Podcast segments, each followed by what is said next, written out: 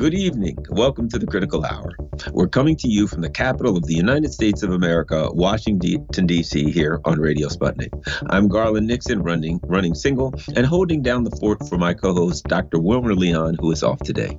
For the next two hours, we will explore and analyze the salient news stories that are impacting the global village in which we live.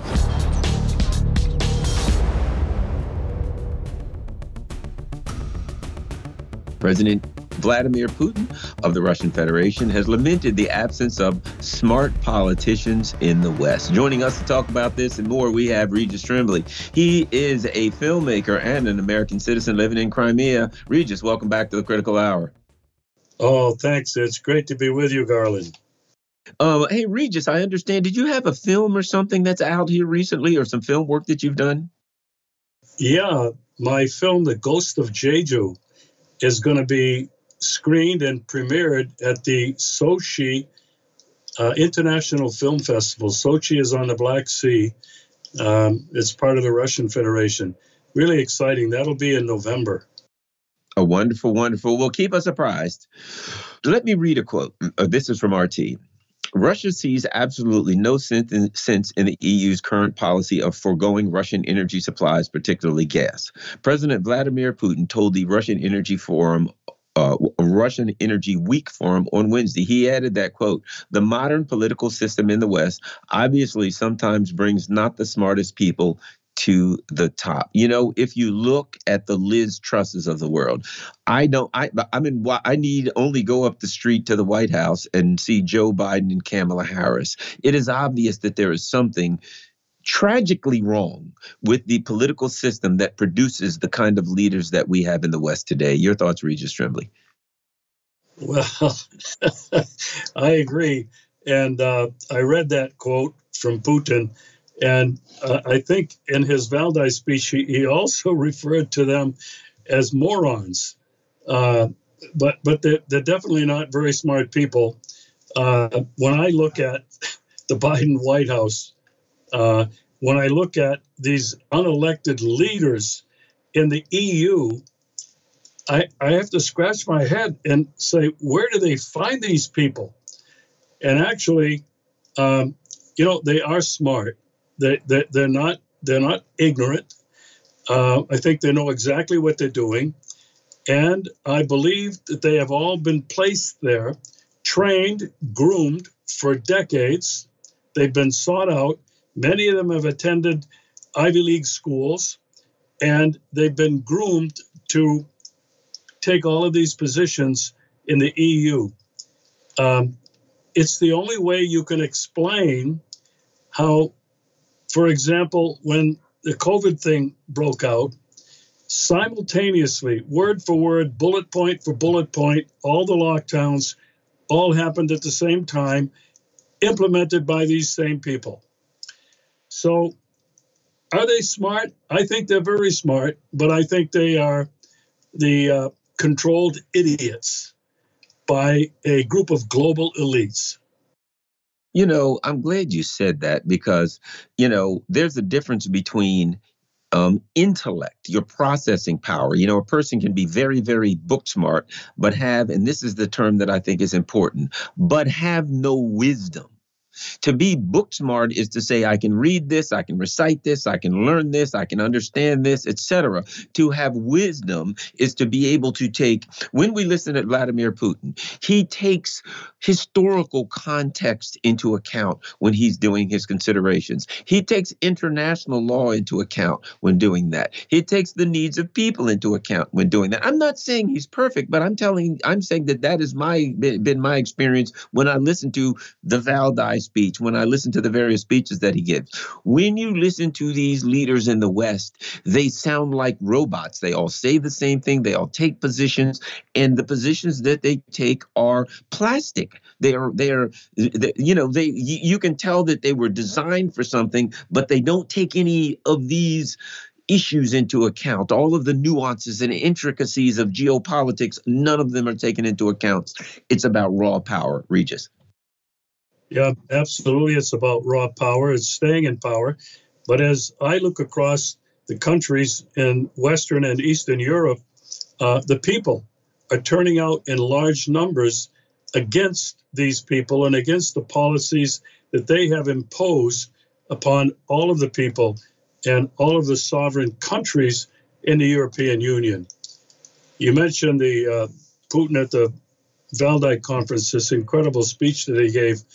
I know you wanted to talk about that tonight. I hope we can segue into that. But certainly, let's know, go right. A lot of it. people interpreted, yeah, a lot of people interpreted that speech to be a smackdown by Putin for the United States because he just mentioned them over and over and over again, and he just basically told a flat out truth.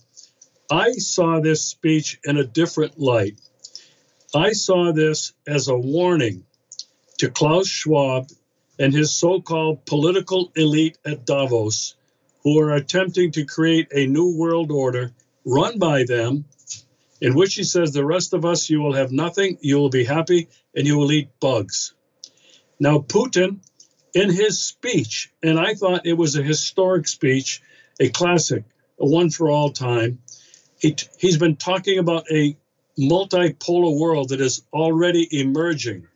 And it's taking the place of this world that's been run by colonialists and the American hegemon.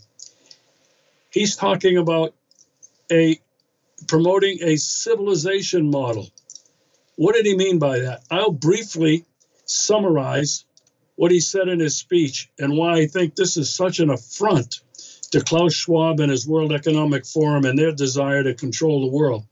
First of all, he said, we must live in an open and interconnected world where no one will ever try to put artificial barriers in the way of people's communication, their creative fulfillment, and prosperity. The second thing he said was, We want the world's diversity to be preserved and serve as a foundation for universal development. He's emphasizing diversity and civilizational diversity that will ensure people's well being and a balance of interests. The third thing that he said, these principles that he outlined Russia stands for maximum representation. No one, he said, has the right or ability to rule the world for others on behalf of others. The fourth point, he said Russia stands for universal security and lasting peace built on respect for the interests of everyone, from large countries to small. He's emphasized in the fifth point the stand for justice for all and sovereignty, sovereignty of every country, every people in the world. And his sixth and last point Garland was he said, We stand for equality, for the diverse potential of all countries. He said, This is the basis for a future world order that is not dependent on anyone, any hegemon, and above all, on the rich and the more powerful. I thought this was an incredible speech, Garland. I know a lot of other people do, but I really felt, uh, unlike many others who thought it was a smackdown for the United States, I thought it was a very direct affront and challenge to Klaus Schwab. Your thoughts?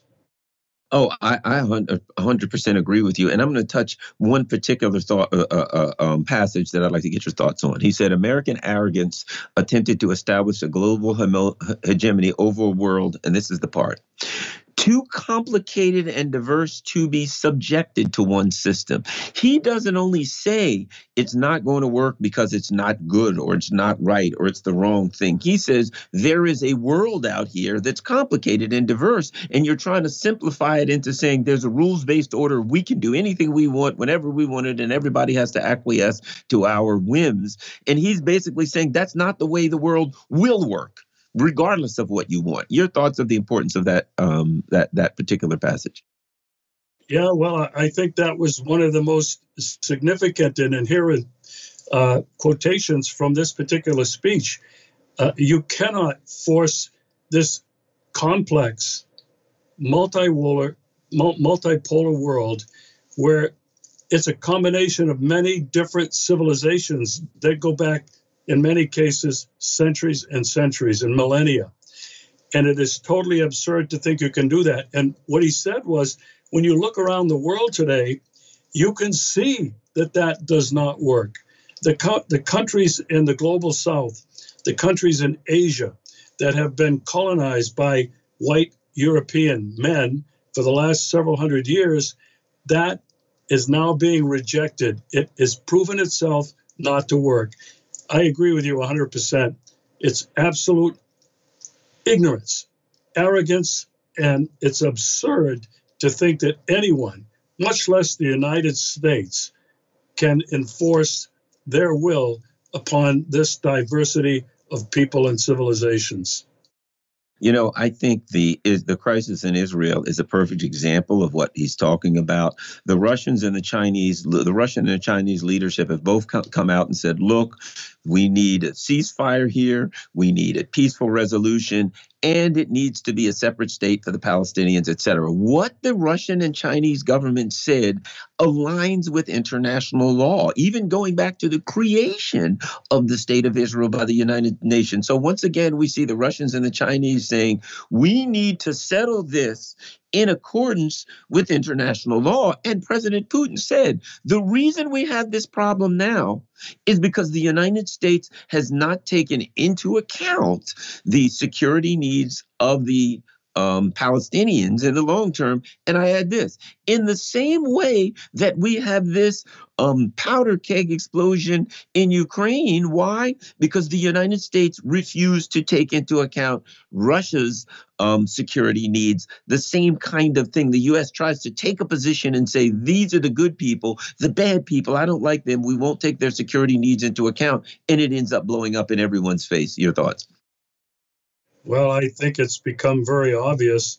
Um, you know, Russia uh, has been pleading with the United States and its vassals in NATO and Europe for its fundamental security rights to be respected. They were dissed, they were disrespected by the United States. And it's just out of hand. They didn't even pay attention to Russian security needs. And Russia as you mentioned, is not just pleading for the security of Russia itself, but for the security of every single country in the world, and that includes Palestine. Let me ask you about this. Poland, uh, their Law and Justice Party is launching a hyper nationalist campaign in hopes to win a third term. That's by the People's Dispatch. But even Poland, where we were told, you know, the Polish people, the Polish government, they hate the Russians with everything they have. The Polish people are saying, you know, we're not unhappy with this government. We might have to vote in a different direction. They're suffering economically. The Polish people do not appear to be aligned with the hard, um, the hardliners in their government against Russia, like every other working person person, I think they just want peace and an opportunity to live. Your thoughts? We got about a minute and a half.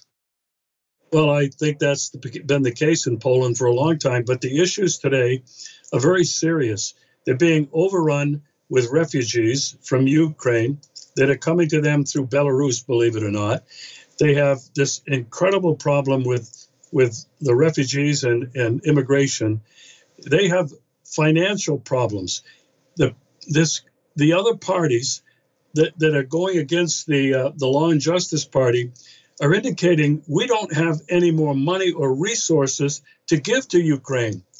On top of that, Zelensky has completely um, dissed. He's completely alienated the people of Ukraine and even the government with comments that he's made in his position on the Nazi involvement during World War II. I don't know what's going to happen with this election in Poland, but I think it certainly is going to stir the country up. And I think it shows, again, the cracks that are beginning to appear. And some of them are as wide as the Grand Canyon across the European Union and NATO. I certainly agree with you. See, we, we see what's ha- happened in Slovakia. We see that the German ruling um, party has just taken a disastrous beating in the local election. So uh, the um, these uh, arrogant leaders that have, uh, as as as um, Annalena Baerbock said, we don't care what the voters say, we're going to continue to support Ukraine. These arrogant leaders may be facing a political demise We've been talking with Regis Tremblay. He's an American citizen. He living in Crimea and a filmmaker. You're listening to the Critical Hour on Radio Sputnik. I'm your host, Garland Nixon. There's more on the other side. Stay tuned.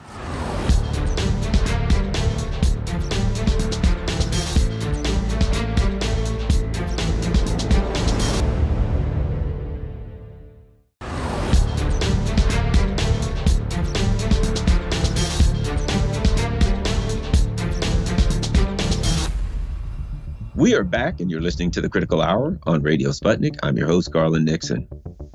A Senate delegation led by Chuck Schumer may be causing headaches in China. Joining us to talk about this and more, we have Caleb Maupin. He is a journalist and political analyst. Caleb, welcome back to the Critical Hour. Sure, glad to be here as always. While in China, Senate leader Chuck Schumer was talking to a Chinese official, official and he mouthed the words of Tony Blinken, quote, "We are prepared to compete, but we do not seek to conflict." You know, the interesting thing about that, Caleb, is that's like someone putting a gun to my head, cocking the trigger, and said, You know, I'm just here to do business with you. I'm not trying to be coercive whatsoever. The U.S. is building missile bases, they're built all around China. They're constantly adding to sanctions on China. They're building bases facing China in every which way. They're coercing Asian countries or attempting to, uh, uh, to coerce Asian countries in some kind of a um, uh, uh, an alliance against China, and they have the unmitigated gall to walk into China and say, "Oh, we're not looking for conflict." Caleb, I don't think the Chinese are buying it. No, they're not. And I, I read about this trip, and I was just wondering, what is the point, right? I mean, it's very clear if the USA wants to improve its relationship with China, there are certain steps that can immediately be taken, and the United States has no interest in pursuing those steps. Instead, it has an interest in continuing to suppress Chinese chip manufacturers, continuing to engage in reckless provocations around the island of Taiwan. Uh, so, what's the point? You know, they're going there, shaking hands, looking at each other. Uh, but at the end of the day, you know, are you going to do the things to improve the relationship or not? And the whole thing is really bizarre. And it's like Anthony Blinken's been over there. Uh, you know, I mean, and now we have Chuck Schumer, the U.S. senator from New York. He's over there. Uh, what's the point? You know, and I, I think there's probably some Chinese official, and they're very, very polite in China. You know, the Chinese officials and, and Chinese government individuals, but Chinese culture overall, there's a huge emphasis on politeness. So they're not going to just flat out say it. Um, but there's going to be somebody saying to them in the most roundabout, polite, uh, you know, hospitable way, guys, what's the point? What, what do you want here? Are you gonna are you gonna play ball with us or not? That's probably what the point of any Chinese official who's engaging with them really wants to know, even though they'll say it in a more roundabout, polite way. You know, in the this article, it's in Responsible Statecrafts, also talks about the possibility or the strong possibility that there'll be a meeting set up between President Xi and President Biden, and implies that that's a good thing. The problem is they have had meetings. President Biden has made a statement in that meeting, and before he could get on the plane or fall on the steps trying to get on the plane to get back home, someone in his um, uh, administration has stepped forward to refute what he was saying and to push back in a more hawkish way. And the Chinese can see that, Caleb. Sure. I mean, and that seems to be the pattern, right? Things were starting to go better, and then there was the balloon. Things were starting to go better, and then there's this, and then there's that, and it, it's it's like there are forces in Washington. It, it seems apparent who do want to improve the relationship with China because that's what's called diplomatic common sense. I mean, it is just in everyone's interest to see things get better but they are up against certain financial interests that are determined to push China out of the global chip manufacturing market for blatantly self serving profiteering reasons. Uh, there are other forces that have something to gain from a geopolitical tension. Uh, many in the Republican Party have found that while, uh, you know, disagreeing with Biden on Ukraine, uh, is certainly, you know, politically, you know, in line with what Americans want to hear. They can also please the war lobby by playing up the notion of a Chinese threat as opposed to the Russian supposed threat that we constantly hear about from Biden and his allies. So, uh, you know, we'll just have to see what comes out of this trip. I mean, I think you and I both hope that the result is an improvement of relations, that U.S. and Chinese businesses can cooperate, U.S. universities and Chinese universities can collaborate on developing new technology. Some of the big emphasis that China puts on research and development and, and STEM and tech uh, can benefit the American people and the American economy as well as what it's already doing for China. Uh, that's what we would like to see. Uh, China doesn't want a confrontation. They've made that very clear. So my hope is the forces in the United States seem determined to just not let things improve, uh, that they get pushed to the background and that things start to improve. Uh, unfortunately, I'm not optimistic based on how things have gone.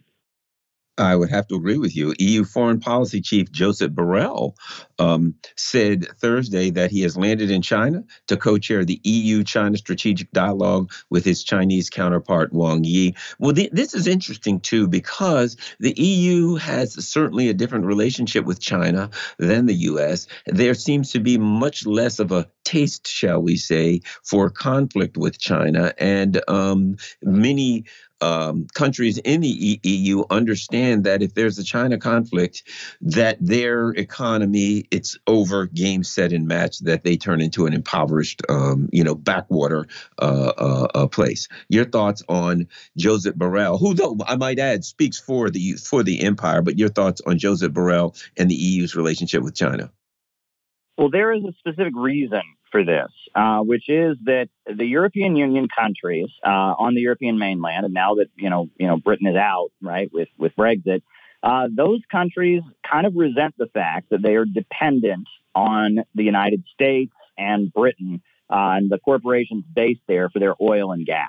Uh, and there's a lot of resentment about that, um, and that has led France to be a big proponent of nuclear energy and nuclear power. Uh, and that has led to situations where you'll remember when the USA invaded Iraq uh, in 2003, one of the biggest opponents of it was Jacques Chirac, uh, the French president. And that was because, you know, they had in the past helped Iraq to develop uh, nuclear energy and had their nuclear power plant destroyed by Israel, uh, that they were buying oil from Iraq because they didn't want to buy it from American and British oil companies, and that the European Union countries uh, of the European, you know, Central Europe, Germany, Belgium, France, those countries kind of resent uh, the long-standing uh, way the Americans and the British have kind of lorded over them and used the oil markets to do it.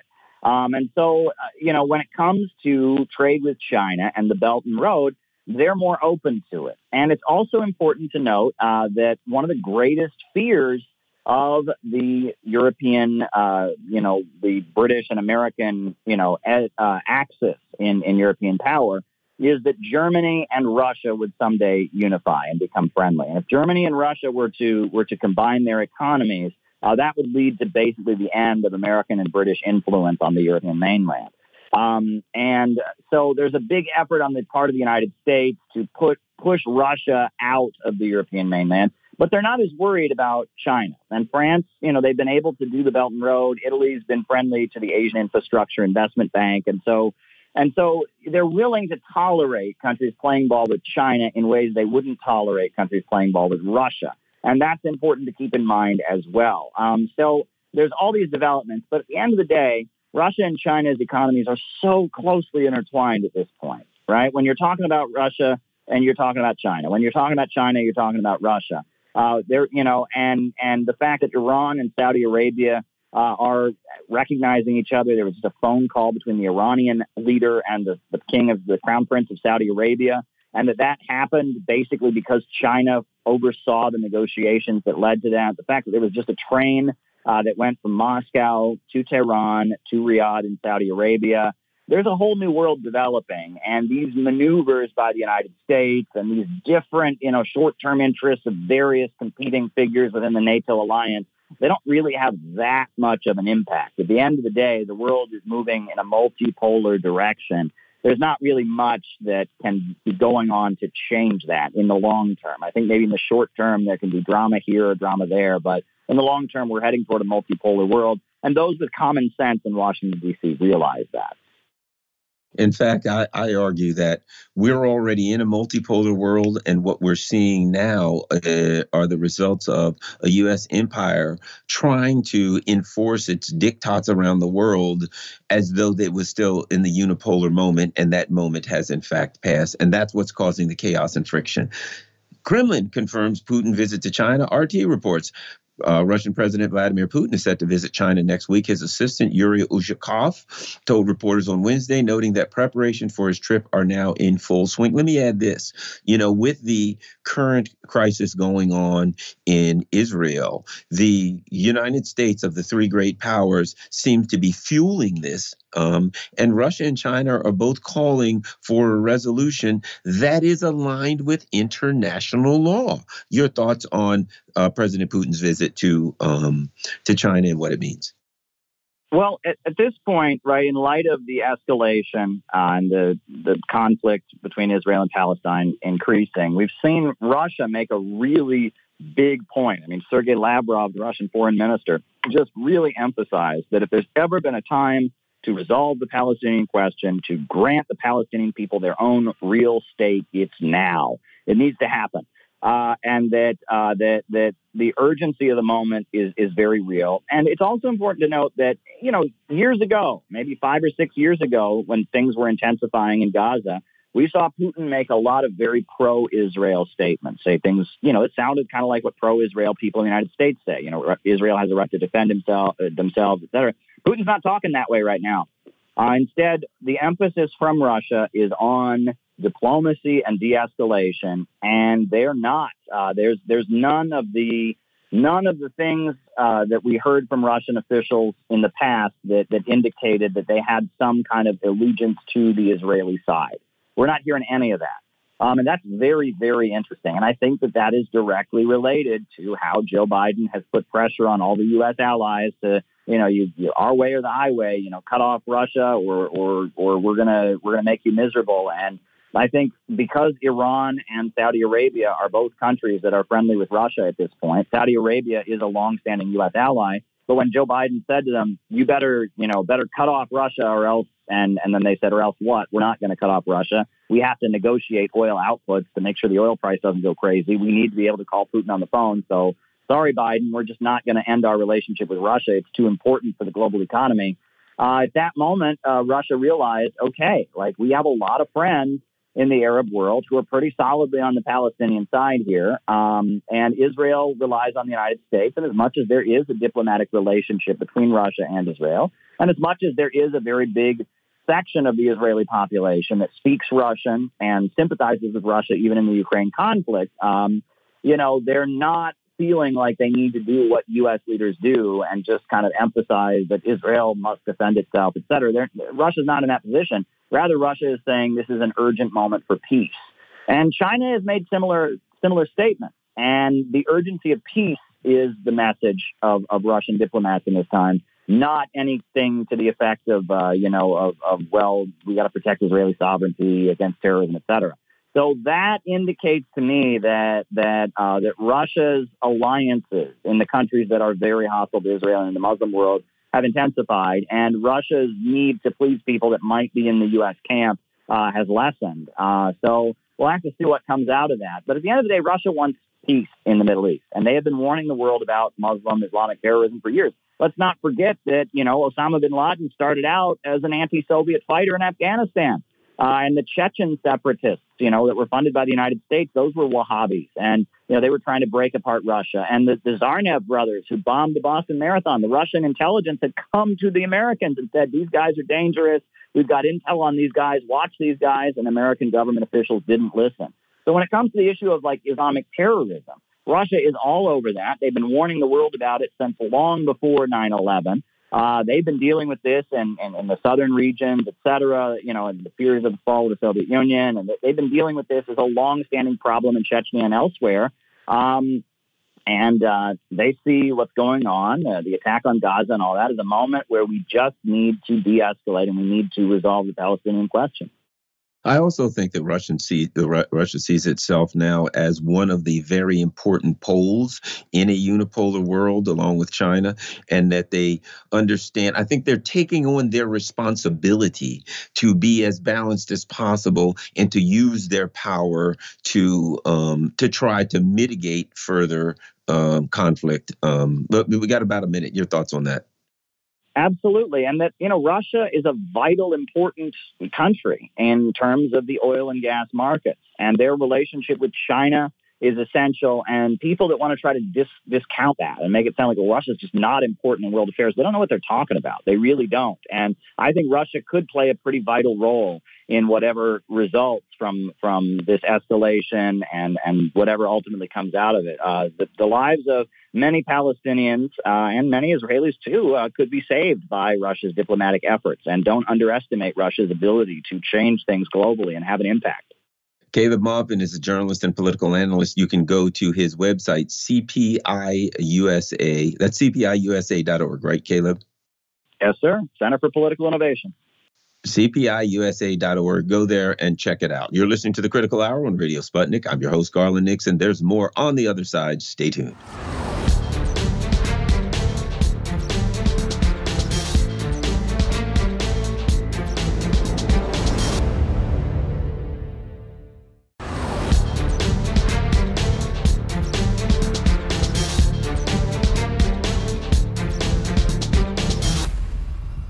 We are back, and you're listening to the Critical Hour on Radio Sputnik. I'm your host, Garland Nixon. President Biden's foreign policy has been an unmitigated disaster. And we're going to talk about this with our guest, Dr. Gerald Horne. He's a professor of history at the University of Houston in Texas. He's an author and a historian, doctor, and a, oh, I left out researcher. Dr. Horne, welcome back to the Critical Hour. Thank you for inviting me. Larry Johnson is a retired CIA intelligence officer, and he said, I will quote, he said, U.S. diplomacy is this do what we tell you to do, or we're going to impose sanctions. That's not how you win friends and influence enemies. It's just someone who's going to order people about as if they are personal servants. It's not going to get respect and is going to have people working against them if they can. I think that's the situation that we are in. And I think it's even worse because we ain't just going to impose sanctions. The U.S. is more like the mafia do what we tell you to do, or we'll kill you and take your stuff. Dr. Horne, your thoughts on uh, the uh, foreign policies of one Joe Biden? Well, obviously, it's a disaster, but we have to approach it from both the individual point of view and the structural point of view. With regard to the latter, a major problem of Mr. Biden's Democratic Party is that a major constituency, speaking of the black American constituency, is missing in action with regard to foreign policy that has a lot to do with the fact that when Jim Crow was eroded 70 plus years ago, part of the bargain was to throw overboard black critics of U.S. foreign policy, Paul Robeson in the first instance. And since that time, there has been spasmodic and intermittent critiques of U.S. foreign policy, but nothing consistent. Then there's the question of labor, the other pillar of the Democratic Party. Uh, I salute uh, Shawn Fain, United Auto Workers, who are on strike against the big three automakers. But the UAW needs to do some self criticism because it was under the former UAW leader, Leonard Woodcock, who was appointed ambassador to China some decades ago, that you saw a mass migration of U.S. plants across the Pacific to Asia, to China, more specifically helping to create this juggernaut. And then there's the U.S. ruling elite, which is not able to impose discipline upon its members. I'm thinking now of the potent Israeli lobby, which has demonized James A. Baker III, of all people, a card carrying member of the U.S. ruling class, former Secretary of State under the first uh, Mr. Bush, George H.W. Bush, but who has been demonized by the Israeli lobby because they didn't like his position with regard to Israel Palestine, which of course brings us to that current crisis where we now get into the foibles of Mr. Biden, who has sent the flotilla of the U.S. Navy off the coast of Israel. There is an imminent possibility that the United States will be involved in a shooting war in that crisis ridden part of the world. Obviously, there's a drumbeat of propaganda unfolding as we speak that would lead to a U.S. attack on Iran, which is being scapegoated for the Hamas attack on Israel. And that kind of attack on Iran would open the gates of hell. So, on the one hand, there's a structural problem with regard to the Democratic Party and the ruling class in U.S. foreign policy. But then there are the individual foibles and weaknesses of one Joseph R. Biden. I'm thinking of that helter skelter retreat from Afghanistan in August 2021, an absolute debacle. I'm thinking of his lack of flexibility with regard to negotiating with Russia pre February 2022, issuing assurances that yes, the United States was would be opposed to Ukraine entering NATO, and that yes, the United States would adhere to the previous agreement that NATO would not be creeping an inch eastward, which of course they have failed to uphold. And then there's policy towards Cuba. Uh, Mr. Biden could have uh, pursued the policy of his Democratic Party predecessor, Mr. Obama, but instead he's doubled down on the backwards retrograde Trump foreign policy.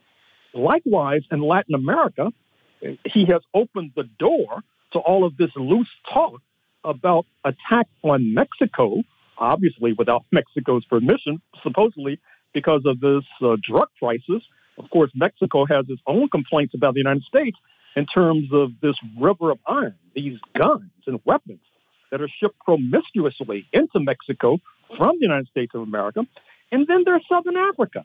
Once again, Mr. Biden could have shown goodwill by easing or lifting sanctions towards Zimbabwe. He has not done so. In fact, he's worsened relations with Zimbabwe's neighbors, speaking of South Africa, including this ill considered remark by his ambassador in Pretoria, who suggested that South Africa was sending military materiel to Russia for which Russia would use on the battlefield of Ukraine, which turned out to be uh, obviously a fabrication at best.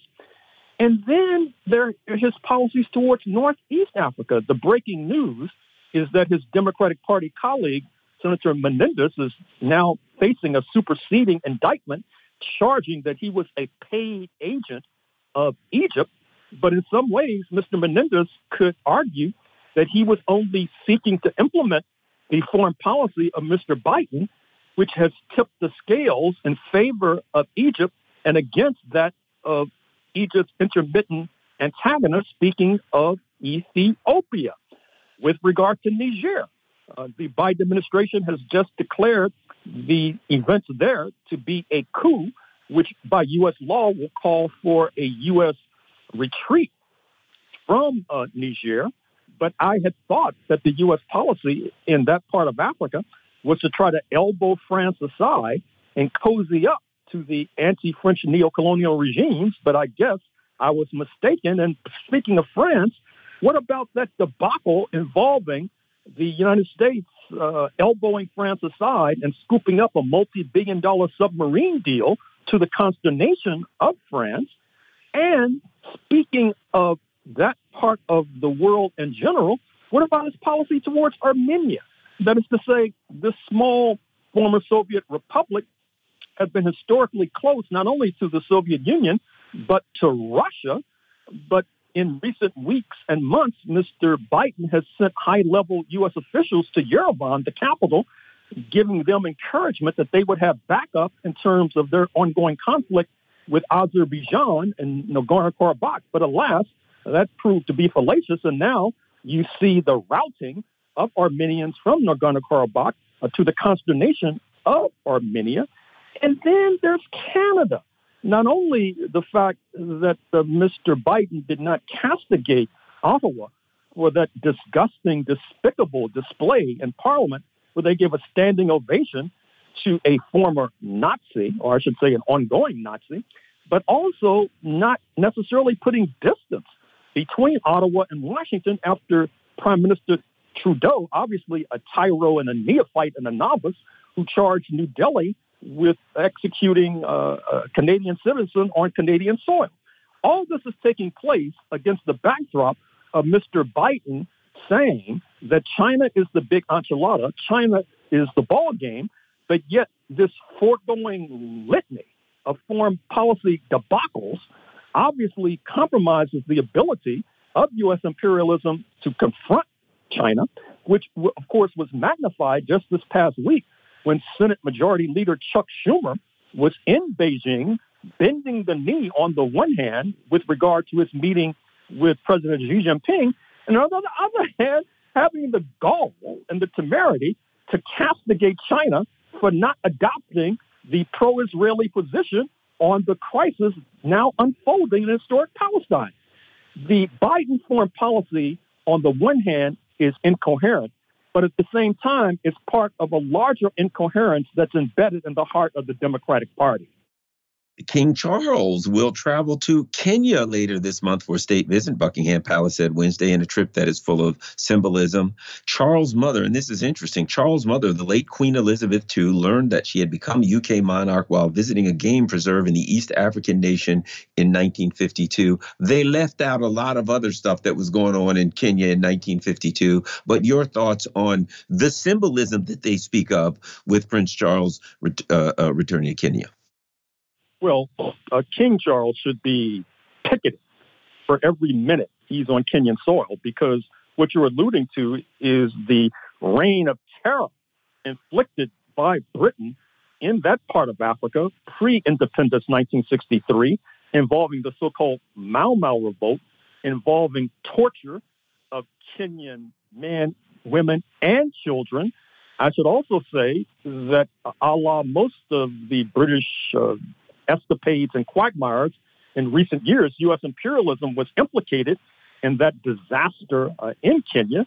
At the same time, of course, as these folks are protesting uh, King Charles's visit, they should also protest their own government, which is now enmeshed in the possibility that they may be sending Kenyan police forces to Haiti, even though, of course, the Kenyan police have a well merited reputation for being masters of disaster, that is to say, masters of human rights crimes against their own people.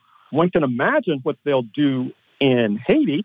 But at the same time, of course, King Charles should be forced to apologize. Not only forced to apologize, but also forced to give and sign on to a pledge for reparations to those Africans and their descendants who his forces terrorized for years pre independence 1963. And uh, speaking of Niger, Niger military rulers ordered the UN officials out within 72 hours. They've ordered the United States coordinator to leave the country within 72 hours, blaming the world body for hindering international recognition of the post coup regime. Your thoughts? Well, that is understandable. Recall that we just had the meeting of the United Nations General Assembly in New York City. The new regime in Niamey wanted to send a representative there to use that platform, that bully pulpit, to explain what was going on in their country, but they were blocked by the French neo-colonialists and their U.S. sidekicks. Uh, it's understandable why the new regime in Niamey is upset with the United Nations, but I'm afraid to say that the United Nations is not living up to its mandate to be a forum for the international community it's trying to convert itself under Secretary General Guterres into yet another placeman for U.S. imperialism and the North Atlantic powers more generally. Uh, you see this with regard to the mealy mouth statements uh, being issued uh, from the United Nations with regard to these depredations now being inflicted upon Gaza by the Israelis, who say that they will not listen to the United Nations the United Nations should be prosecuting the Israelis and pushing cases in the International Criminal Court, in the International Criminal Court, in the International uh, Court of Justice, should also be knocking together resolutions at the Security Council to impose sanctions upon this outlaw regime uh, in Israel. Uh, but instead, you see them being complicit with the North Atlantic powers in trying to flummox and block the new regime in Niger, it's understandable why the new regime in Niamey is upset. We only got about a minute, but uh, Senegalese president has dismissed his government ahead of a, um, a, a, a power shuffle. Your thoughts? We only got about a minute and a half. Well, Macky Sall, the leader of Senegal, has come under fire in his West African nation, not only because of his crackdown on the opposition, but also because it seems like he's trying to style himself as some sort of uh, international peacemaker, uh, going into Ukraine and even Russia, supposedly trying to mediate that dispute. Uh, his constituency uh, back home in Dakar uh, wonders when he's going to apply his peacemaking skills to dealing with the opposition in his own country. Likewise, it has been suggested that if there had been an economic community of West African states intervention in Niger to overthrow the new regime, that Senegal would have joined with Nigeria in that escapade that would only have ended in tears. So, once again, Mr. Macky Sall, the president, really needs to stick to his domestic knitting more so than contemplating foreign interventions or even foreign peacemaking for that matter. We've been talking with Dr. Gerald Horne. He's a professor of history at the University of Houston in Texas. He's an author, a historian, and a researcher. You're listening to the Critical Hour on Radio Sputnik. I'm your host, Garland Nixon. There's more on the other side. Stay tuned.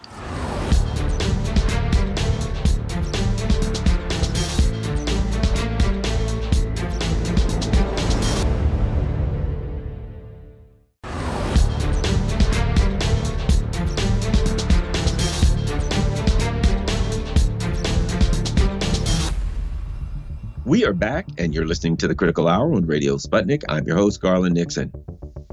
Former President Trump may be pulling away from Joe Biden as he holds a nine point lead in Pennsylvania and a four point lead overall. Joining us to talk about this and more, we got Ted Rall. He's a political cartoonist, syndicated columnist, and host of The Final Countdown right here on Radio Sputnik. Ted, welcome back to the Critical Hour.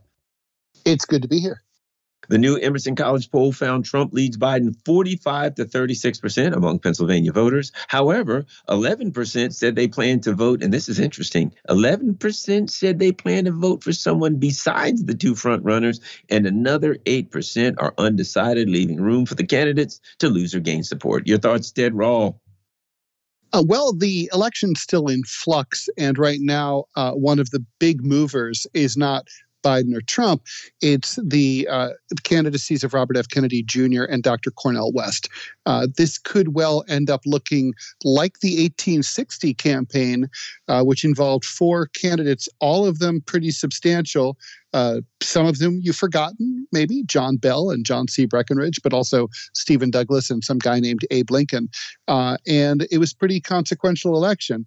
Um, you are going to see a lot more emotion here. But what's really interesting about this poll, now granted, this is only Pennsylvania, but it kind of adds to another a previous poll from a few weeks ago that showed Trump ahead 10 by 10 points nationally ahead of Biden. That would be uh, would seem to indicate that that's not an outlier. Up until that point, the two candidates were running pretty even. Uh, now it looks like this is the new lay of the land. I certainly agree with you, and and the the Democrats have to be scared to death because with the way that things are going, certainly Ukraine, uh, foreign policy, period, it does there doesn't look like a dynamic in which things are going to get stronger for Biden. We got the bond market in trouble. People very very much concerned about economics. I don't see where you know all of these undecided voters are going to wake up and say, "Yeah, I think I'll go with Biden." It certainly it seems as though the the way the the political winds are blowing, it's not going to improve for the Democrats. And, and as I say, Biden, comment on this. Do you think Biden's actually going to be the final nominee, Ted Rall? Well, uh, no, I agree with you. Um, things aren't looking good for Biden. He doesn't have a lot of cards up his sleeve. Uh, you know, normally war is a is a good thing for incumbents, but uh, this these current two proxy wars uh, one's already baked in, Ukraine, so that's already baked in. And then the other one, uh, Israel, well, that's also kind of baked in because Israel's sort of permanently, perpetually at war. So, and it's also not directly affecting the United States. Uh, will Biden be the nominee? Uh, that's still up in the air. Uh, he certainly uh, is making every indication that he will be, but it's also, there's a lot of possibility that he'll just be forced to step down I, um, or step aside. Watched his remarks related to the Hamas versus Israeli conflict yesterday, and they were rambling and embarrassing, and he's becoming more incoherent by the day. Yeah, I, I, I got to go with you on that one, Ted. Uh, that being said, you know, we're discussing whether or not um, President Biden will be the nominee. Now, um, he's signed up to run in Nevada in the primaries. Um, and so he's officially part of the 2024 race. But, you know, the Democratic Party, they got problems. They are not going to, there, there were, their Democratic um, uh, opponent, well, there was uh, an opponent, opponent, and the Democratic Party made it clear that they were going to have their thumb on the scale, uh, or rather, rather an elephant's foot on the scale rather than a human thumb. They made it clear that they were not going to have any debates. And RFK Jr. said, well, then I'm out of here. And it's for my issues that I have with RFK Jr., there's some great things about him, and there's some areas where he's got some big holes in his swing. But whatever the case, um, he could have a significant impact. Your thoughts on the dynamics right now? Biden, RFK Jr., Cornel West so just i don't want to be misogynistic. We must remember there is still marianne williamson is still in the democratic primary race uh, although she's running a, a, terrible almost non-existent dysfunctional campaign but she did she is still there uh, in terms of RFK's um, ability to impact the race, it's all going to come down to his ability to stand up a ballot access and publicity operation. He raised $11 million uh, for his super PAC uh, shortly after declaring. That's extremely impressive. By way of comparison, the Green Party, which is a real party, only raised only had a whole entire budget of five hundred thousand dollars in the last cycle. So it's a lot. Twenty two times more is good, and obviously there's still room to grow there. But ballot access is very very difficult to get past. Not to mention the the media blackout. And then I was thinking about like let's just say there's a three or four way race, and let's just say there's some crazy thing happens, and he gets uh, the a plurality of the vote, uh, then the he doesn't get 270 electoral votes. No one does. This goes to the House of Representatives, and the Republicans or the Democrats elect one of their own anyway. So it, you know it's it is really an uphill battle under our system. You know, I'm I'm I'm I'm with you. I've been saying for a while now. I think that's the direction we're going to end up in um, 2024. That we're going to end up. Um, with a no one getting 20 uh, uh 271 votes and we'll end up um, you know, uh, uh, with the, the the House choosing, and more than likely the Republicans choosing, and then they're just going to grab a Nikki Haley or a, you know DeSantis or one of these other you know neocon clowns, and it's um, straight downhill from where we are. Um, here's an interesting article: Ukraine needs 40 $2 billion budget support this year, uh, according to um, their prime minister. Here's the thing about it we are paying for policemen on the street, for pensions, for heating oil. We're there is no such country as Ukraine anymore. The United States is paying for everything. So when they say 42 billion dollar budget support, that's not for weapons, not completely for weapons. A lot of that is just to survive. And now recently, Joe Biden has come out and said, well, this is, we can't indefinitely support you. We've got Israel. It's hard to be an empire in this day and age, Ted Rall. It sure is, and it doesn't really pay well. You know, one of the funny things that came out of uh, the British, em- the collapse of the British Empire after the Indian Raj uh, obtained uh, struggled in, struggled for independence was the fact that uh, in the end, uh, even with all the supply lines and all the wars and the rebellions that they had to put down, uh, even with all the wealth that they extracted from their empire, uh, the Brits still came out in the red, and the U.S. of course is encountering the same problem. Um, you know, $42 billion is a lot of money. That was the value of the Silicon Valley Bank collapse. And I'm sure the depositors there would love to have that $42 billion back. Uh, and I, you know, there's many, frankly, better ways to spend it. Uh, I, you know, homelessness, poverty, healthcare, education, transportation, you name it. Um, just just give free coffees to everybody who wants one. I mean, something. Uh, this is not going to go on forever and ever. Uh, and I think the thing about Ukraine is they're losing. Uh, you know, the the whole the the counteroffensive went nowhere this past year, and Americans don't like a loser. And I, I guess the one way that the Ukrainians are going to save some money is they're not holding any elections that they were supposed to, but that's not going to exactly bolster their reputation as a democracy. I agree with you. And the the other thing is, you know, they're starting to get um, the Biden people and the neocons are. It's very very difficult now. Will they probably get some money through uh, Congress? More than likely. Will they get? You know, Joe Biden has said he wants hundred billion dollars. He said he wants enough to make it through the election. Well, first of all, now that he said that, the last thing the the um, Republicans are going to do is give him enough to last the, the election. They'll probably want him to vote week to week so they can beat him over the head with this. Even those who are in favor of it still have a very powerful weapon that I believe the the Biden team will not be overcome the pushback, be able to overcome politically the pushback from the debacle that they're heading towards in Ukraine. Ted.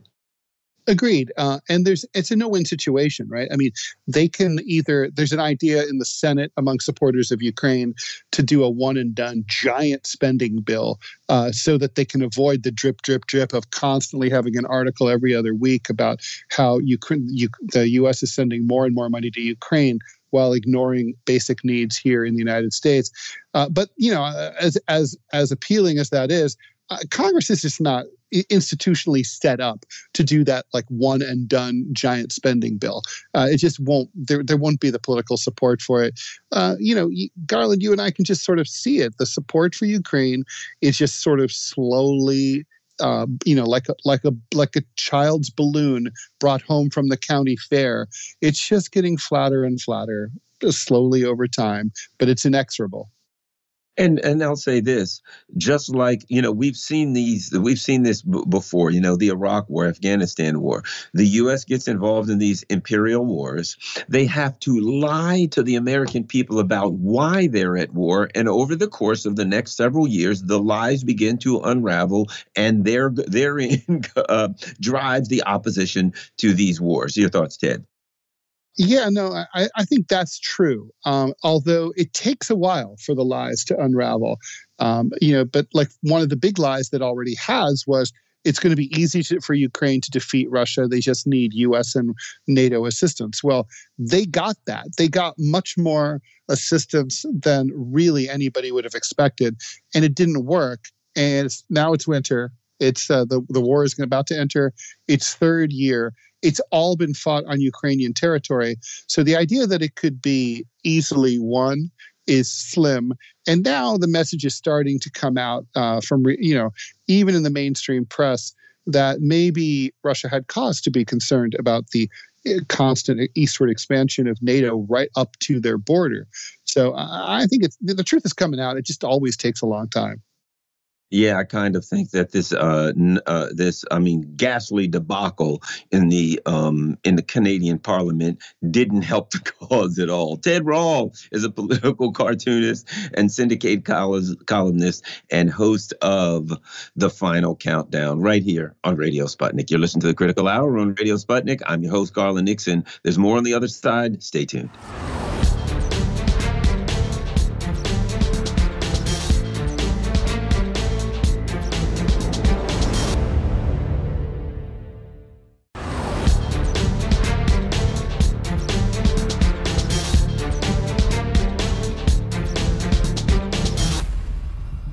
We are back, and you're listening to the Critical Hour on Radio Sputnik. I'm your host, Garland Nixon. Russia and China are arguing that the only diplomatic solution for the Israel Palestine conflict is an independent Palestinian state, and the current problems are a result of the United States and the West failing to take into account the needs of the Palestinians' security. Joining us now to discuss this and more, we've got Laith Marouf. Laith is a broadcaster and journalist based in Beirut. Laith, welcome back to the Critical Hour. Thank you for having me. Yeah, there's a uh, an article, and you know, I'll just touch base in the one uh, in TASS, but there's also articles and, and, statements that have been coming out by the Chinese that says Russia has always supported the establishment of Palestinian states. Um, he, uh, President Putin says that the Palestinian-Israeli issue has been accom- uh, accompanied and aggravated by mediation activities of a number of countries in recent years. He's also stated uh, recently that we, we are where we are today, and I'm paraphrasing, but we are where we are because the US and the West failed to take into account the security needs of the Palestinians. Boy, that sounds familiar. When uh, addressing this, and their failed policies has gotten us to this desperate point. Your thoughts, Laith Marouf? Yes, yes, definitely. I mean, even if you want to take the United Nations uh, creation of the state of Israel as something that is legitimate, in that uh, you know United Nations uh, suggested assembly General Assembly um, resolution, it said that there has to be a Palestinian state and the Palestinian citizens are not uh, that are inside what becomes Israel are not discriminated against, and that's the condition for the creation of this, uh, well, you know, the Zionist state. So what we have here is the United Nations failing, as Putin, President Putin, and the Chinese have pointed the United Nations has failed to actually fulfill its mandate in even in this creation of a Jewish state. They had to create a Palestinian state simultaneously, and the Palestinians that are citizens of what falls on whatever side of the border have to be treated equally and their rights be protected. And obviously, this is where the West has uh, allowed for you know decades now, even since the Oslo Agreement, for the Palestinian rights to continue to be denied to create their own state, and also for their rights for equal citizenship and non-discrimination within whatever state is on the other side of that border, uh, if that happens. And so it, it is very pertinent uh, for to understand the core of the problem, and I think it is amazing speeches coming out of uh, Russia and China um, that um, uh, show us a new multipolar world where these countries can actually take uh, this space and point to international law and it's it's uh, you know having to be fulfilled.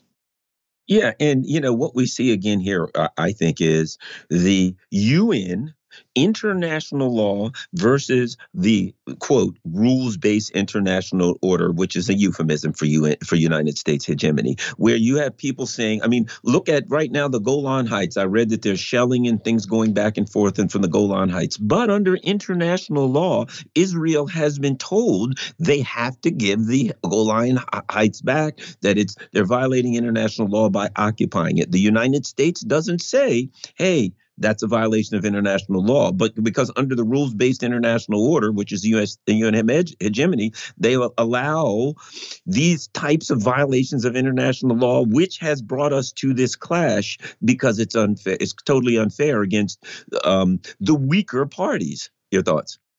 Yeah, I mean, earlier today, the Israelis bombed both the Damascus airport and the Aleppo airport, destroying the the, the tarmacs of, for, for landing for the planes, and all the planes that are in the air had to go now land in Latakia. And this is a war crime. And uh, the Israelis are right now trying to uh, expand this conflict. Look, uh, on the ground, what happened uh, was a military defeat for the Israelis um, by the Palestinians in Gaza. And the Israelis now have, and behind them, the Americans have only two tactical options in front of them. When we see, in terms of their strategic goal of permanency, to, to have this Jewish state to continue, they have one option, which is to admit defeat, stop the bombings, and have a, an exchange of all prisoners of war between two sides. That's one option. And the other option is to go into a genocidal war as they are choosing. There's no third option for them to maintain their existence. And, you know, so right now, on every stage, the Israeli government and the American government and the German government and the French and the Italian and the UK government have said that they want to genocide the Palestinian people in Gaza uh, and even kill the P- Israeli POWs that are being held in Gaza rather than admit defeat and have release of the Palestinian POWs that are in the dungeons of Israel. This is what the world needs to understand. And the Americans sending all these ships, President Putin pointed out when was asked, um, you know, he said he doesn't know why these. Uh, uh, you know, uh, aircraft carriers are being sent to Palestine. Is the Americans gonna bomb the the Gaza Strip, or are they there to scare people in Lebanon? These are the words of President Putin, and he said he knows uh, that there is people who have no fear, don't know what is fear that are in Lebanon. This is what President Putin said. So we are seeing the American government and the Israeli government and all these Western governments dragging their populations into a possible regional war that could even spill into a, uh, an international world war.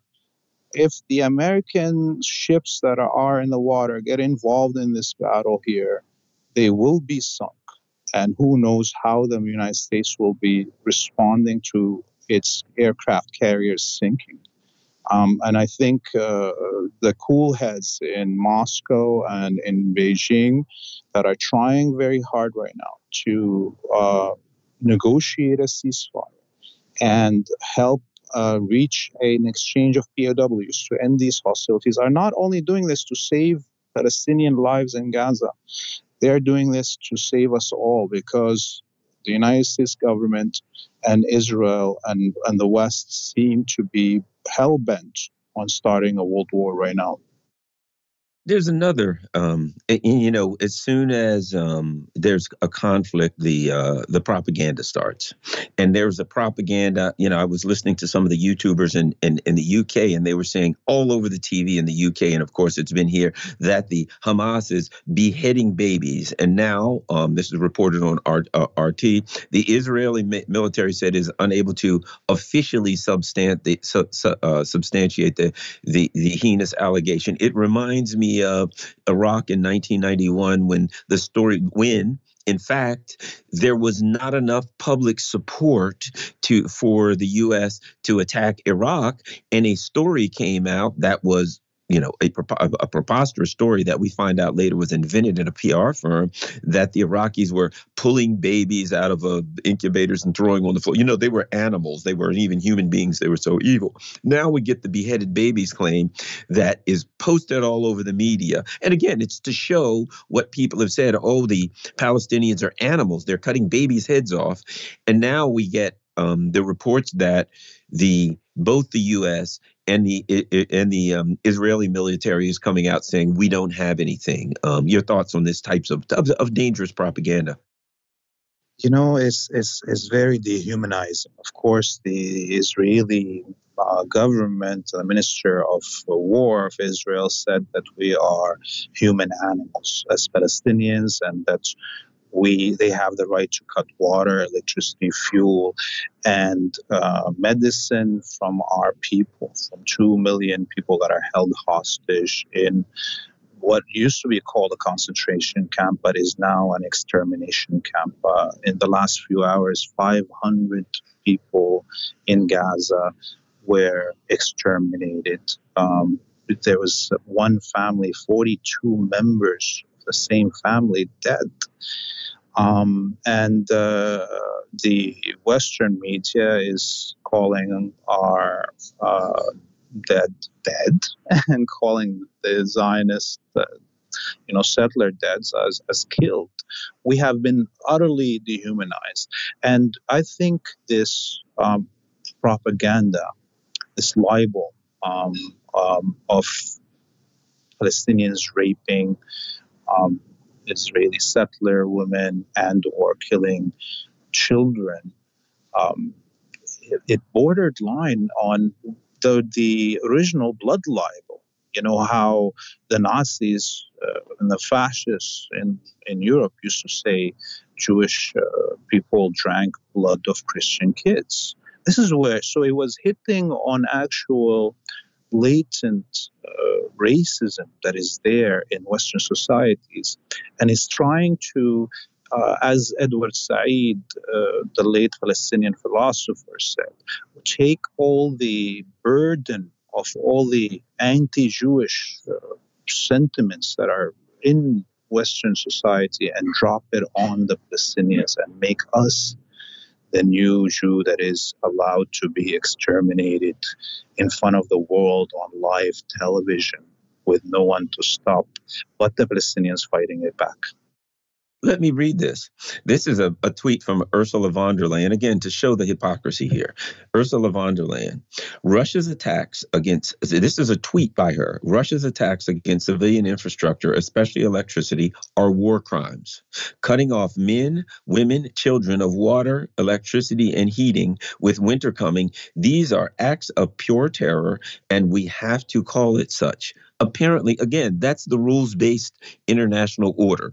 If an adversary that uh, the U.S. empire takes an action, then they are aghast and it is a terrorist action. If in fact it's their part of their empire, then they it, it, they don't even they they're not even bringing it up. They're not even talking about what I think is a war crime. I don't think you can um, cut off food and electricity to people who don't have another way to get food. The Israelis have literally um, controlled the caloric intake. Your thoughts on the uh, the contradiction that that we're looking at here and the obviousness of it. Yeah, and I think the whole of humanity outside the bubble of the West is watching this. Um, on the one hand, they saw the videographed uh, attacks on Israeli bases with paratroopers and and, and what have you, take you know, and, and a total defeat of the supposed most uh, strongest uh, component of the imperial uh, military forces outside the United States. Um, and that's brought a lot of joy to people that have been for hundreds of years under Western uh, colonial, uh, you know, machinations and, and oppression. And at the same time, all of now those same people in Africa and Latin America and Asia that are watching in horror how every Western politician has lined up on television from whatever country. You can just just pick it on the map, uh, the NATO member state, that was asked, is it illegal or is it a war crime? On like the Minister of Defense of the United Kingdom was asked, and uh, Keir Starmer, the, the, the Labour leader of, in the UK, were asked on live television, is it a war crime to cut water, electricity, medicine, and food and fuel from a captive population in a war zone? And none of these politicians uh, uh, uh, would agree and, and refuse to actually acknowledge it and would repeat that Israel has its right to defend itself. This is abhorrent, but it also uh, revealing. Anyone 30, outside, 30 seconds. You know, Palestinians knew this forever that we are, because we are at the forefront of this war, uh, West has caused on humanity. And uh, now the rest of you are, are hopefully fully aware. We've been talking uh, with Laith Marouf. Um, Laith is a uh, journalist and he's based out of Beirut, Lebanon. You're listening to the Critical Hour on Radio Sputnik. I'm your host, Garland Nixon. There's more on the other side. Stay tuned.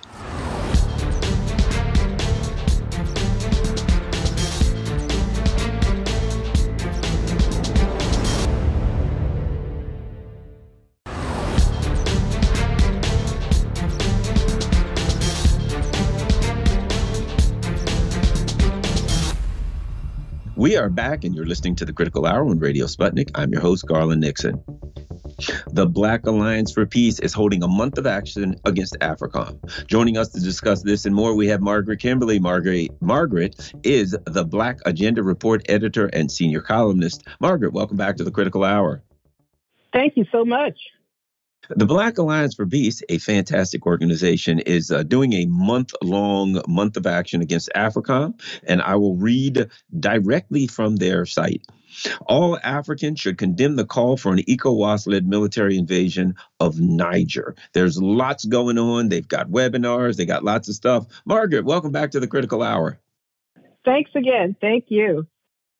Hey, before we get going, I will I will uh, remind everyone that Margaret's the um, uh, the editor and senior columnist for Black Agenda Report. But Black Agenda Report, I've had been having a little bit of difficulty getting uh, uh you know getting um, you know up on uh, the stuff. What, what's going on? I understand there were some issues. Will you will you, you, you will you be back up and running soon, or are you up and running now? We're hope, hopefully uh, within the next 24 hours. Our web hosts are were in India, uh, part of the NewsClick organization. Mm-hmm. And NewsClick, thanks to a New York Times article smearing its uh, one of its co-founders, became targeted by the Indian government. They shut down their operations, closed their offices, seized devices, and we're in the process, process now of migrating our website. So we will be back up and running, and we are social media on uh, X uh, um, I, I, guess I have to stop saying Twitter, right? On Facebook uh, and our website. So we are going to let people know uh, as soon as we're back up again. Thank you. Wonderful, wonderful. All righty. BlackAgendaReport.com, one of the best sites on the um, on, on the internet. All right. Uh, uh, Black Alliance for Peace, great organization. You guys do a lot of this stuff. What's happening with the International Month of Action Against AFRICOM? Well, AFRICOM is the U.S. Africa Command. Uh, the U.S. has divided the world into various command structures. And in October 2008, at the end of the George W. Bush administration, uh, they uh, formed the U.S. Africa Command, AFRICOM, which uh, gives the U.S. Uh, military control over most African excuse me, most African nations, there are bases all over the continent. Uh, the first AFRICOM action I, that people should remember is the destruction of Libya. Uh, we now have uh, the United States interfering in uh, Niger, as as you said. Um, Niger, uh, there was a change in government. Uh, a, a, coup, if you will. There's now a military government in control, which is an issue for people in Niger to work out amongst themselves. But Victoria Nuland uh, went over there, creating another disaster, of course, and she uh, they told her to kick rocks and sent her home because the, uh, the departing government was a friend of France and the U.S. So the U.S. pressured ECOWAS, the um, Economic Community of West African States, to punish Niger cutting off supplies of electricity, threatening a military occupation. Those are the kinds of things that the uh, uh, Black Alliance for Peace Month of Action gives attention to. We had a kickoff webinar October 1st, as we do every year. And if uh, folks go on the website, they can see uh, how they can in, uh, endorse the month of action, hold teach-ins, webinars, banner drops, anything that gives attention uh, to uh, this uh, U.S. this grotesque interference in the affairs of um, of African countries. Margaret, let's move next to uh, the U.S. Um, the um, there's instability in Congress.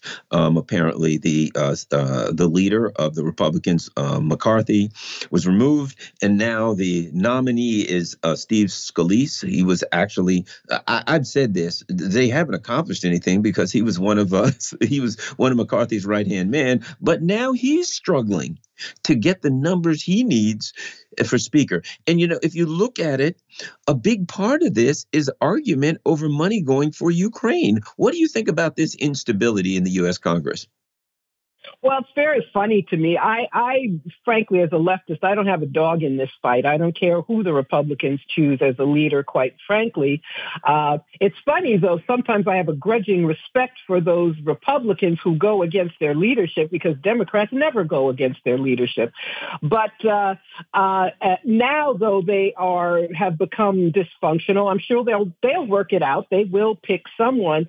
But it's interesting about Ukraine. Uh, the Democrats march in lockstep. Most of the Republican establishment on the subject of Ukraine, even supposedly uh, progressive uh, Democrats who claim to be for peace and every other issue, they've gone right down the line with the Biden administration, uh, giving billions of dollars in funds to, uh, well, to the military-industrial complex here, to the Ukrainian government. Uh, the end result is that Ukraine is losing the war and Russia has not been harmed at all. Um, it's uh, it's it's interesting because I, I can't align myself with right wing Republicans. Some of them say we shouldn't fight Russia, we should be fighting China. So even in wanting the aid to Ukraine to end, uh, they're not promoting anything that I can support. But but it's interesting, an interesting view of what can happen when uh, the wishes of someone in this country are um, are uh, represented by their representatives. Uh, Democrats, on the other hand, never get any uh, representation. Uh, we get lip service on some issues, but uh, on the subject of Ukraine, there is no dissent allowed. Uh, as you recall, last year, a, a group of supposedly progressives uh, wrote this letter, this weird fence straddling, mealy mouthed letter, and they wouldn't even stand by that for 24 hours. They knuckled under the pressure and uh, threw the staff under the bus and claimed they didn't know what they were doing. So um, it's unfortunate, though, that it's the Republican right who speak up and represent something that someone in this country wants. But it, it will be interesting to see who they pick. They will work it out, and they will have a, a Republican conservative conservative as the House Speaker. You know, what do you think about the um, this? You know, there at, at one time there was supposed to be a left flank in the Democratic Party. I remember John Conyers, and John Conyers had the out of, he started the out of Afghanistan caucus. He started the out of Africa caucus. He would push back. Now you have the Black Caucus, the CBC, the Progressive Caucus. You have the so called squad, which are supposedly, supposedly, they're supposed to be like an informal alliance of these solid lefties. When it comes to Ukraine, nothing. When it comes to China, uh, you know, and the U.S. Uh, encroaching on the borders of China, nothing. When it comes to what's going on in Africa and AFRICOM, zero. When it comes to the issues in Palestine and and and um and and Israel, not a p. The only thing we ever hear from them on all of these issues is either radio silence or support for the status quo. And I would think that they should be, well, we're the people that come in and we make some noise. They don't, they're not, they ain't making much noise, uh, Margaret. No, they aren't, and it's it's very sad to see because I'm old enough to remember when there were a, even a handful of Democrats who would sometimes speak up. Uh, now they talk big when there's a Republican in office. If there's a Democrat, uh, in the White House, they, there is radio silence on just about every issue. The Democratic Party is controlled by moneyed interests. It's controlled by corporate interests, by the military industrial complex. They are uh, part of the war party. In fact, it's Democrats who most strongly support. We talked about Ukraine, uh, the U.S. Uh, uh, spending billions of dollars uh, uh, to get a lot of Ukrainians killed to try to weaken Russia, which they can't even do. So uh, we've seen the demise, really, of the of a two-party system where the Democrats are are in many ways just as conservative as Republicans, and uh, but they know what people want, so people can run for office claiming to be progressive, saying they won't take corporate money, but then they vote the same way as the uh, those who do take corporate money. So so what? Um, and uh, so they know what people want. And that's the insidious thing about them. They lie. They lie to the people about what they're going to do. They constantly make excuses about why they can't do even a little bit of what the people want. Uh, remember, Biden came into office. He was most progressive since FDR. Uh, there were some COVID emergency funds. They're gone. They're all gone, and nobody mentions it anymore. And Joe Biden's running for reelection, uh, bragging about Bidenomics, which has been a failure to most working people just a, a, continuation of neoliberalism. Now, here's something I find interesting. The Venezuelan opposition leader, once recognized as the interim president of the country, will be teaching at a South Florida university. Juan Guaido is going to be teaching at Florida International, according to a post he made on that. Now, here's what kills me about that. I mean, it just shows what the US empire is. One week they're like, hey, this guy's the head of a country. And they tore Citgo apart. They gave him access to hundreds and hundreds of millions of dollars heaven only knows where that's gone in the pockets of the of the criminal. And here this guy's teaching at a university saying, "Oh, I'm going to be teaching about democracy." A, what does that tell us about the US empire? And B, what does that tell us about our higher institutions now that don't have this clown teaching about democracy? Margaret. Well, it's uh, is it is it laughable? Should we laugh? Should we cry? I mean, uh, this is a man who was part of a regime change operation. Uh, the U.S. Uh, interfering, continuing to interfere in the uh, affairs of Venezuela. We have Joe Biden following uh, Trump policy right down the line, where they claimed this man was the president, tried to starve people literally into submission with their sanctions, and still um, uh, planning to uh, steal their oil company, Citgo, uh, which is the one that uh, gave uh, free fuel to low-income Americans, unlike any other any American oil company. And now this man is walking around free and teaching um, in a, university. Uh, the Venezuelan government has put out a warrant for his arrest. They were afraid to touch him, uh, but and he's out of reach now. He's going to be in the U.S. the rest of his life. He and the millions of dollars he and others in the opposition um, have taken in order to uh, uh, sabotage their homeland and to make life miserable for people so the U.S. can have its own way there. It's, it's truly disgraceful. Yeah, and I think Bolsonaro was or is here. You have these people that are that are so-called leaders of a country that after their um, terms are up, they can't even go back to that country. Or in this case, he never had a term, have to hide out in the United States. That's all you need to know. Senator Lindsey Graham is now screaming like a madman. We're in a religious war. And he says, uh, uh, uh, level Gaza. And might I add, that the United States should bomb Iran. Here's a guy who there's no wars that he doesn't want to escalate. There's no people that he wants to, to bomb. And he still is put on television as though he's a credible voice. Margaret. Yeah, it's like a religious war. He says wipe them out or level the place and the human beings who live in Gaza. And I wanted to say, well, don't worry about it. Israel is doing that. It's a war crime by definition, collective punishment against the civilian population. They've cut off the water. They've cut off the electricity. Uh, there is no one uh, that will uh, help the Palestinians. And Lindsey Graham, and by the way, Democrats and Republicans sound alike on on uh, on this issue uh, after uh, Hamas uh, had this surprise, or I guess surprising attack on Israel, but Israel is able to exact revenge without any consequence. Uh, you have the president repeating lies about beheaded babies. They had to walk back his comments and said, no, no, that's not confirmed. In other words, it was made up. Um, but the political class is of one accord on Israel. Lindsey Graham may make the most of the bizarro statement, but they are all the same. None of them will step up. There are no progressives. We just talked about the lack of progressive politics. When it comes to Israel, there aren't any progressives at all. Margaret Kimberley is a Black Agenda Report uh, editor and senior columnist. You're listening to the Critical Hour on Radio Sputnik. I'm your host, Garland Nixon. There's more on the other side. Stay tuned.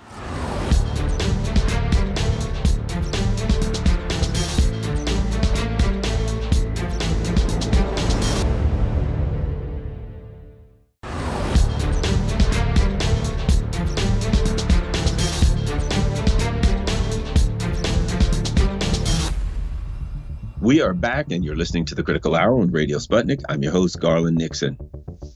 The White House is planning military aid for numerous conflicts simultaneously. Joining us now to talk about this and more, we've got Dr. Linwood Tauheed. He's an associate professor of economics at the University of Missouri at Kansas City. Dr. Tauheed, welcome back to the Critical Hour. Thank you, sir. Antiwar.com reports, quote, the White House has conveyed to members of Congress that it will request an emergency supplemental funding package that will include military aid for Israel, Ukraine, and Taiwan, as well as additional funding for border security. NBC News reported on Wednesday. Wow, that is a lot. It is very expensive to be a hegemon, an, uh, an empire, or otherwise try to run the world. Your thoughts, Dr. Tauheed? I, I think it's very obviously it's very convenient timing for this. I'm not I'm not implying conspiracy theory, but it is very convenient timing that uh, the, um, the the the last Republican. Uh, the, the last um, um, uh, comments from the Republican, the, the deal that was signed for the for the interim funding, did not include Ukrainian support, and and now uh, the Biden administration gets to bundle uh, support for Ukraine with support for Israel. Of course, there are probably more supporters for Israeli support than there is for Ukrainian support. So, so the the the, the politics of it is that if you uh, put the Ukrainian money in with the Israeli money, certainly the the Republicans won't pull out the Ukrainian money and just pass the Israeli money. Um, of course, the, the Republicans are in control of the House, so they can they can change that request into anything they want. And so uh, we may still see Ukrainian money not come through, uh, but uh, but the Israeli money is certainly certainly guaranteed to come through, and and probably the Taiwanese money as well. Uh, but but we should not, uh, you know, this the, the movement of money from Ukraine uh, away from Ukraine is something that's been expected. the the Biden administration itself has been talking about winding down the supply of money, money to buy arms uh, to Ukraine, and and now uh, it has a new reason to increase its budget and fund and uh, send more money to to weapons manufacturers with with Israel and, and Taiwan. So so it's it's just uh, uh, you know an unlimited flow of money. It just depends on who's getting it at at various times let me ask you this your thoughts on how this affects the political situation because while the Biden administration is getting this through there seems to be a growing sentiment in the US that um, you know the the the administration is uh, forsaking uh, the citizens of the US we you know what happened in Hawaii um, et cetera do you think yes, they have to do this for foreign policy to keep their um, their their you know uh, hegemonic um, machinations uh, moving, but politically it seems like this could be a problematic going into um, the electoral season, Dr. Tauheed. Well, certainly when you compare the um, uh, the aid that's been um, given to Ukraine already, um, about 150 billion, if I have my numbers right, and the and the uh, continual ask for money for Ukraine.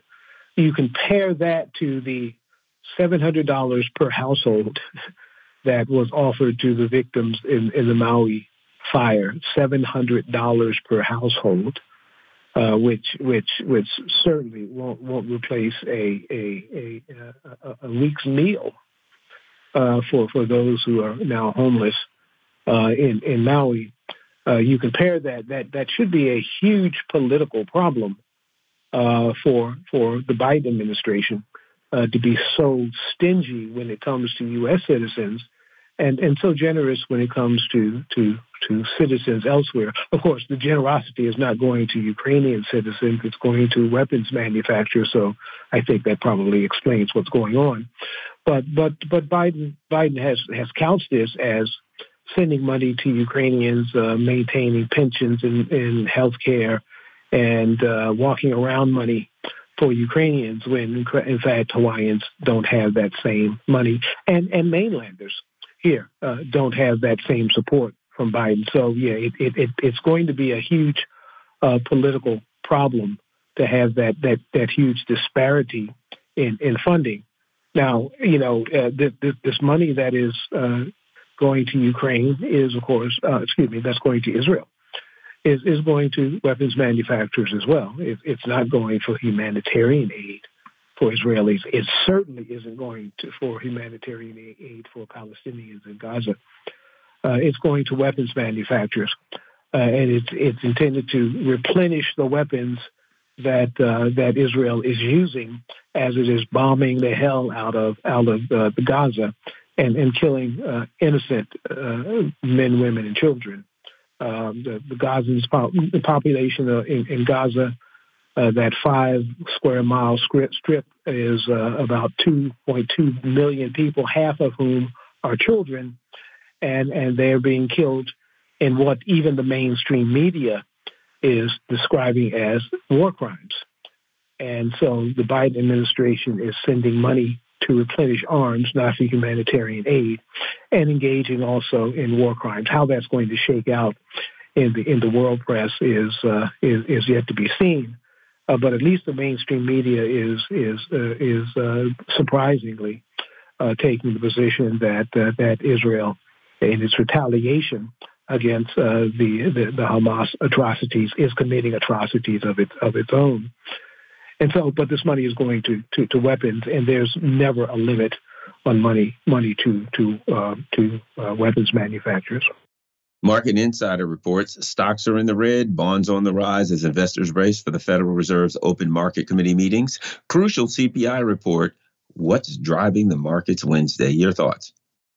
Well, we see that stocks are, are, are going down, and, and usually stocks go in the opposite direction of bonds. That is the price of bonds. And and just to be clear, that the price of bonds going up is uh, uh, is is perhaps a, a good deal for the banks that uh, while the while the Federal Reserve interest rates were were were going up, the value, the price of bonds was actually going down. The stock market is going up. Uh, that created a crisis in the in the uh, a, a, a crisis in the, the, financial system that saw a couple of, of, of banks become insolvent, officially insolvent, and and therefore sold off. Uh, but the bond market is uh, the, the yield on bonds is going up the price of bonds is going down further, uh, which now exacerbates that crisis. Uh, and and so um, uh, we have uh, at, at the stock market uh, is going down. The price of bonds is going down as well, while the yield of bonds is going up. Uh, this is this is creating a situation that that portends not very well for the for the financial institutions, but also for Wall Street.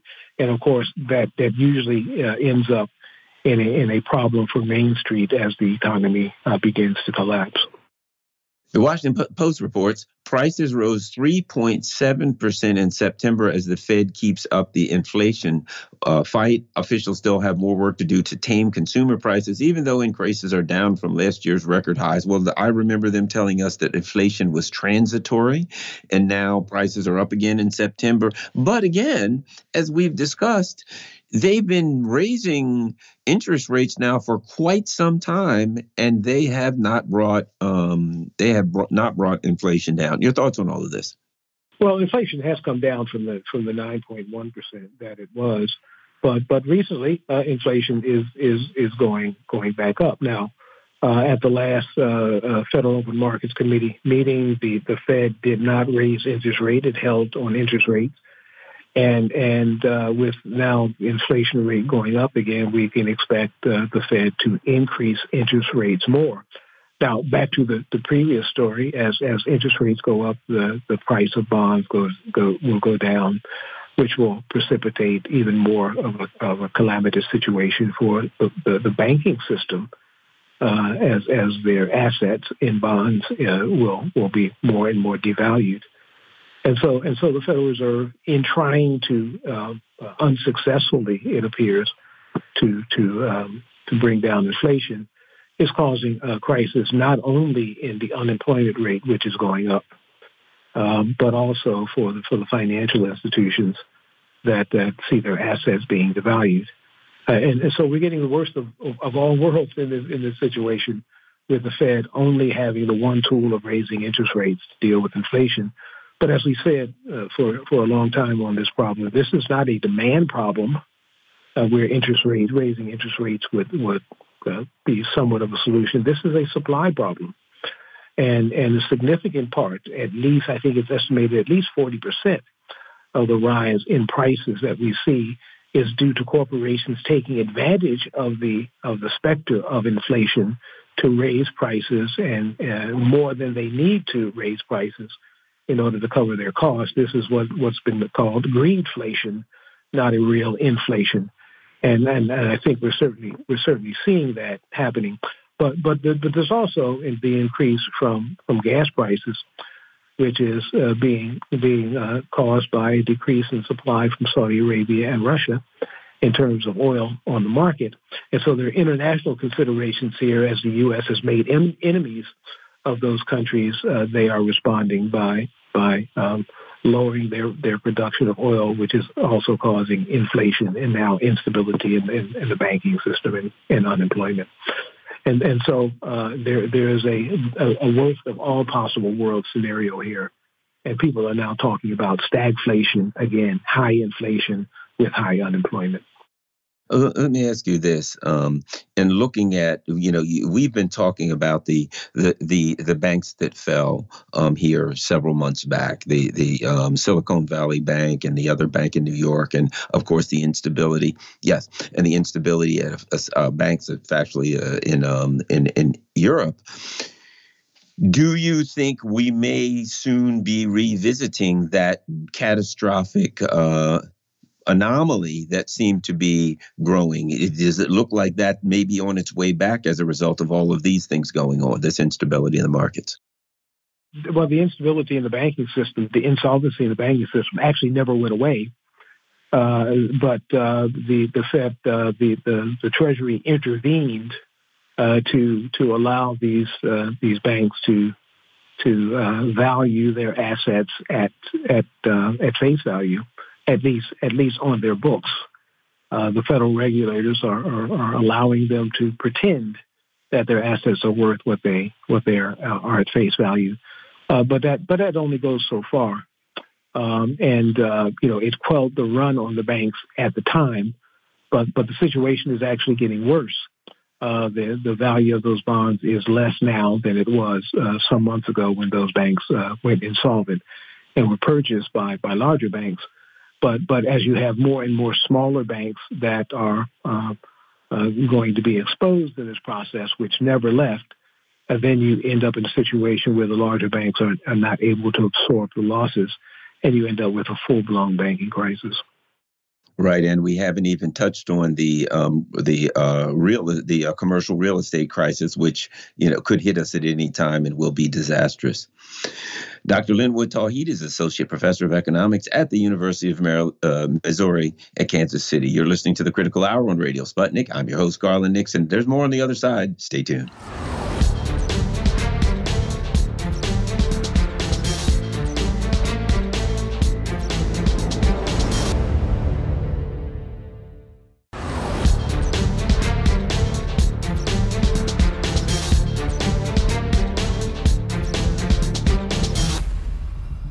We are back, and you're listening to the Critical Hour on Radio Sputnik. I'm your host, Garland Nixon. Cell phones are used by big tech to gather all kinds of information about the users. Joining us to speak about this and more, we've got Steve Poikonen, and he's a national organizer for the Action for Assange movement and host of Slow News Day and AM Wake Up, Wake Up on rokfin.com. That's R O K F I N.com, a great video site. Steve, welcome back to the Critical Hour. Thank you, Garland. Great to be here. Yves Smith over at Naked Capitalism writes It drives me crazy when users fail to understand that if a service appears to be free, you and your data are being sold. I don't mind it much when it's explicit advertising, but the harvesting of the customer is rarely transparent. I particularly take umbrage at the degree to which smartphones are spy machines and resisted getting one until it became necessary with my last move. Spy machine, that is exactly what it is. Your thoughts, Steve Poikonen. Well, yes, and and she's absolutely correct. And we talk about it on the shows all the time, where you're walking around with uh, your own personal listening and monitoring device uh, in your pocket, which never goes to sleep, no matter what you do. It, the the idea that anyone has privacy, period, at this point is, basically laughable. Uh, we tell people, at least in the online space, there's no such thing as privacy. There's only operational security, and even that, it, you you've got to be at a pretty advanced level if you want to have any sort of relative comfortability. What Google and, and a number of other tech companies have been able to do, and what law enforcement agencies have been able to do as a means to get around uh, the the or the Fourth Amendment, is they've been able to create individual profiles based on data harvested from a number of different sources that they can purchase third party that I can purchase, that you can purchase, and anyone listening can purchase third party. And then you have a virtually complete profile of not just where a person lives, where they go, who they associate with, but literally what they're thinking at any given time based on their social media activity or search history when they're shopping. Yeah, that is uh, kind of horrifying, Steve, to, uh, to, tell you the truth. And you know, the, the thing about it is, and this is what I, you know, I, uh, um, I was I was reading something the other day that was talking about you know electric cars and particularly with Tesla, and they said, you know, the difference with Tesla is this: it's a cloud car which means yes you buy this car and yes you drive around but because it's a cloud car as you drive around in your tesla it's getting all kinds of information and uploading it to the cloud. So as you drive along, it's like if you remember when Google got in trouble because they were driving all these cars around and the cars were just taking pictures and they said they were using that to make Google Maps and get all of the pictures. What they found out was as these cars drove around, they were actually taking information from local networks, from people's home Wi-Fi, etc. That it was far more than just taking pictures. And uh, there are suspicions that the Tesla is the, or you know, some of these other electric cars cars are pretty much the same type of thing. They sell you a car, but that car continually brings in data and they then sell the data. And as, as we both know, and that data can be used um, uh, to profile and track the user. Your thoughts? Absolutely. My my wife was just telling me she was listening to a podcast a while back with uh, someone who was investigating Google, who had wound up being uh, the person who brought forth the lawsuit that said that technically Google is no longer allowed to harvest this data, um, but that you know he had become uh, targeted by Google, and that uh, there are a number of instances that happened, uh, including the death of his wife, that all happened under rather suspicious circumstances.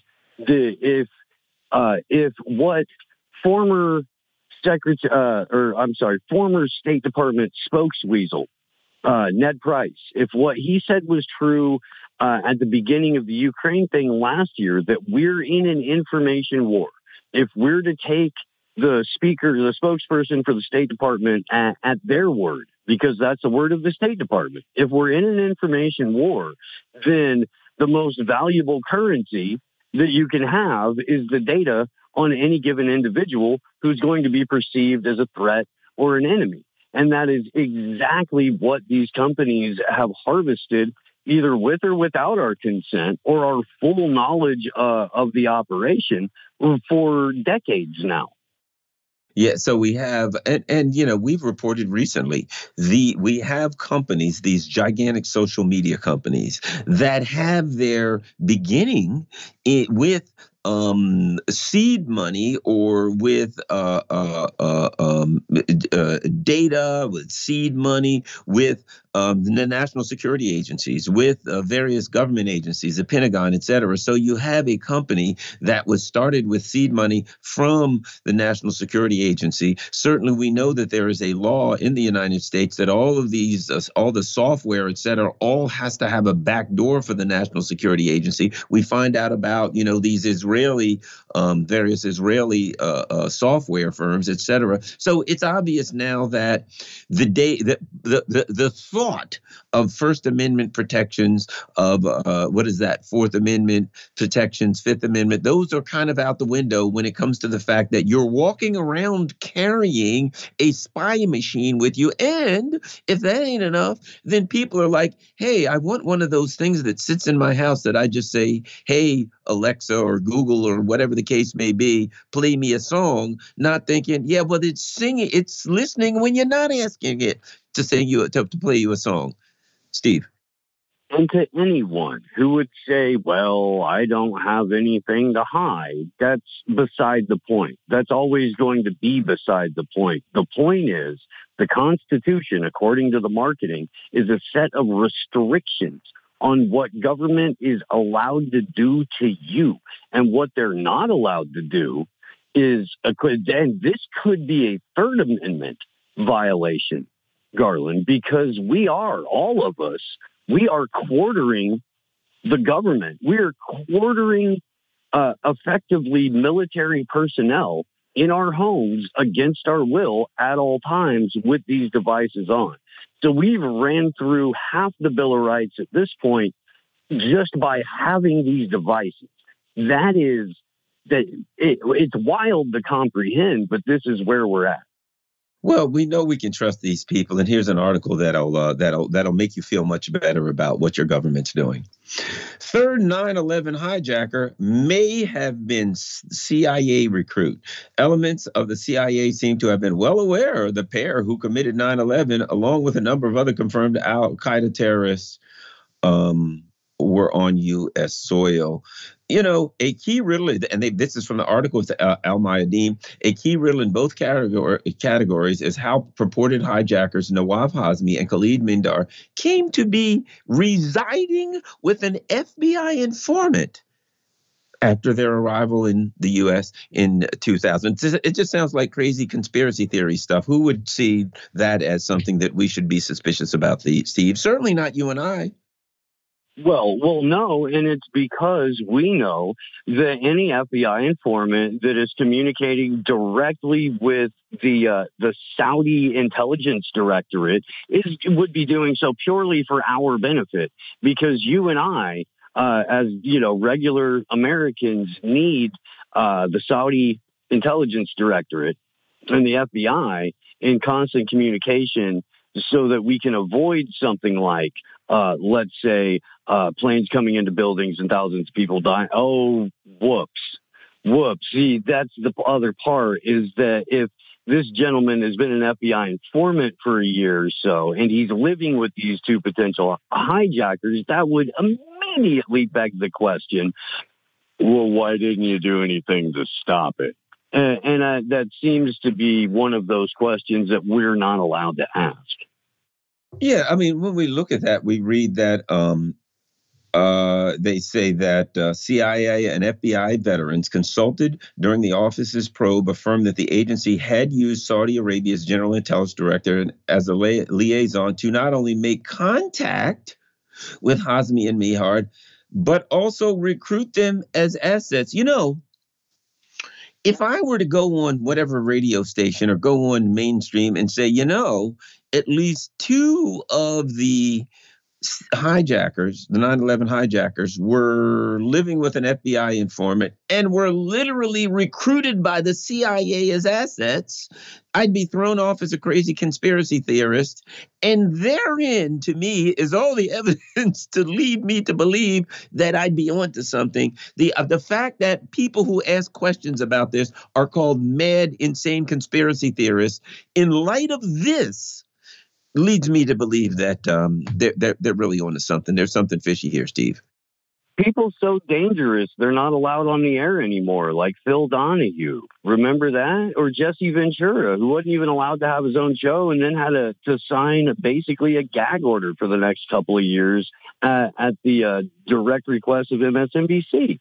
If you have questions about the official narrative, especially if you can provide source documentation that leads or should lead everyone else to have questions. You are far too dangerous to be allowed on uh, uh, uh, regular, good old fashioned American airwaves you know, and what we find, and let uh, let me read this to you: the CIA's tireless efforts to prevent the bureau from learning numerous confirmed Al Qaeda operates were, were, operatives were at liberty in the U.S. during the 18 months prior to 9/11 were extraordinary. So the CIA is trying to hide from the FBI that these uh, 9/11 operatives and Al Qaeda operatives were just running around doing whatever the heck they want and uh, it appears that some of them were, in fact, CIA assets. Steve, it seems to me, I mean, we're getting pretty close to solving the mystery of 9 11, Steve. I think reading this article, you and I today,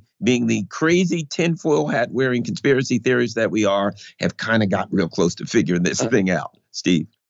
Uh, you may be right, Garland. However, uh, who are we to question uh, such accurate individuals, such as the people at NIST, uh, people who have never lied to us, like George W. Bush uh, or Richard Perle, any of those guys? So perhaps we should wait and see what the next round of disclosures comes out. By the way, almost everyone knew about this in 2006, 2007. These are our old disclosures, or at least um, uh, it's old, uh, I guess, substantiated rumor that is now coming out in, in official documentation. So it is good to see it become part of the official record. Well, uh, here's something I think will end by will end by re- me reading this. Even more puzzling, immediately following its hijacking, Flight 77 executed a remarkable 330 degree descending corkscrew turn from around 7,000 feet in the air while traveling at over 500 miles per hour to come perfectly level with a pedestrian road leading up to the Pentagon, flying just over a meter above the ground, knocking over lampposts en route. The plane duly crashed into the Department of Defense headquarters. You know, anybody, look, Steve, you could just go take training for a couple months, and any, certainly any body, you or I could learn to do that flying a plane in a couple of months. Um, 30 seconds. Uh, it is it, it's remarkable that we know even less about what happened at the Pentagon than we do uh, in Manhattan on 9/11, and that is the amount of what we're not allowed to know currently could just about fill up the Grand Canyon. You've been listening to the Critical Hour here on Radio Sputnik. Thank you for allowing our voices into your space. On behalf of myself and my co host, Dr. Wilmer Leon, we hope you were informed and enlightened. We look forward to talking with you all Monday right here on Radio Sputnik. Be safe, peace and blessings. We are out.